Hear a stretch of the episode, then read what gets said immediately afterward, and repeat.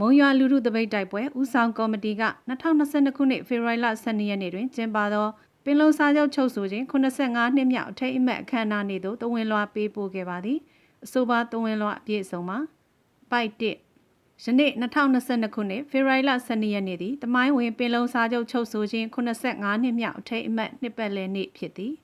ပိုက်2တမိုင်းဝင်ပင်လုံစာချုပ်ချုပ်ဆိုနိုင်ခြင်းကြောင့်တောင်တန်းပြည်မှပေါင်းစည်းကလွတ်လပ်ရေးကိုအတူတကွရယူခဲ့ကြတော့လဲပင်လုံစာချုပ်ပါပင်လုံကတိကိုဝများကိုခေအဆက်ဆက်အုပ်ချုပ်သူများမှချိုးဖောက်ခဲ့ခြင်းကြောင့်ပြည်တွင်းစစ်များကာလရှည်စွာတောက်လောင်ခဲ့ကြရသည်အပိုက်3ပြည်တွင်းစစ်ကိုအကြောင်းပြုကာ စေအုပ်စုသည်ဆီယာနာရှင်စနစ်ကိုအမြင့်တွဲအောင်တိဆောက်ခဲ့ကြပြီးဆီယာနာရှင်စနစ်ဆက်လက်တည်တံ့စေရေးအတွက်အမျိုးဘာသာသာသနာကိုနိုင်ငံရေးအရလွဲသုံးစားပြုခဲ့ကြသလိုလူမျိုးကြီးဝါဒကိုလည်းခေအဆက်ဆက်အုပ်ချုပ်သူအစဉ်အဆက်ကအသုံးပြုခဲ့ကြသည်ကိုတွေ့ရသည်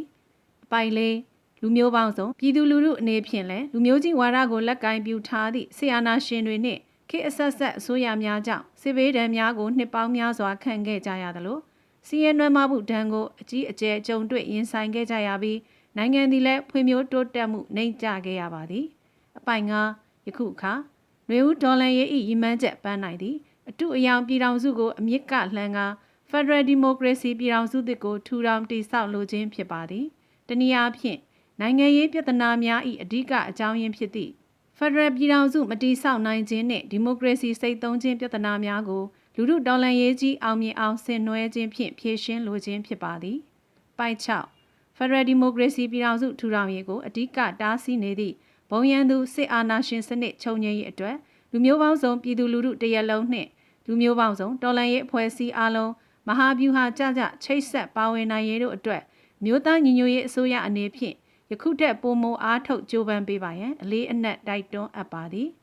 အပိုက်ခနစ်ထို့အပြင် ဒေါ်လာရင်းဆိုသည်မှလူအဖွဲ့အစည်းတိုးတက်ရေးကိုအနောက်အရှက်ပြုနေသောအဆောက်အအုံဟောင်းနှင့်အတွေးခေါ်ဟောင်းများကိုဖြိုချ၍တစ်လွင်တိုးတက်သောအတွေးခေါ်များဖြင့်ကောင်းမွန်သောလူပေါင်းအဖွဲ့အစည်းကိုတိဆောက်ကြရန်လိုအပ်သည့်အတွက်လူအဖွဲ့အစည်းအတွင်းပြိပက္ခဖြစ်စေနိုင်သည့်အစိတ်အတောက်အတွေးခေါ်များနှင့်ဆီယနာရှင်စနစ်တည်တံ့ရေးကိုအထောက်အကူပြုနေသည့်အတွေးခေါ်ဟောင်းများကိုဖြိုချနိုင်ရေးနီလန်းမျိုးစုံဖြင့်ကြိုးပမ်းအားထုတ်ကြရန်လည်းလိုအပ်နေသည်ဟုရှုမြင်သုံးသပ်မိပါသည်အပိုက်ရှိ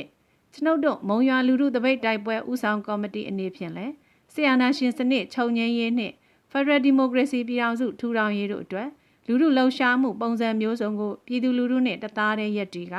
ဆက်လက်ဆောင်ရွက်သွားမည်ဖြစ်ပါသည်။ဘိုက်ကို85နှစ်ပြည့်မြောက်ခဲ့ပြီဖြစ်သည့်ပင်လုံစာချုပ်ပါပင်လုံကတိကိုများဖြစ်သည်အမျိုးသားတန်းတူရေးကိုပိုင်ပြထန်းခွင့်နှင့်ကိုပိုင်အုပ်ချုပ်ခွင့်များလက်တွေ့အကောင့်ထဲဖော်နိုင်ရေးတို့အတွက် မုံရလူထုတပိတ်တိုက်ပွဲဥဆောင်ကော်မတီသည်လူမျိုးပေါင်းစုံပြည်သူလူထုကြီးနှင့်အတူတကွရက်တီဆောင်ရွက်သွားမည်ဖြစ်ပါကြောင်းလေးနက်တီကြီးစွာဂရိကိုဝတ်ပြုလျက်ဤတဝန်လွာကိုပေးပို့အပ်ပါသည်အတူအယောင်ပြည်ထောင်စုဝါဒကိုအမြင့်လှန်ကြ Federal Democracy ပြည်ထောင်စုသစ်ကိုတည်ဆောက်ကြတော်လှန်ရေးသစ္စာဖြင့်မုံရွာလူထုတပိတ်တိုက်ပွဲဥဆောင်ကော်မတီဟုတဝန်လွာပေးပို့ခဲ့ပါတယ်ရှင်။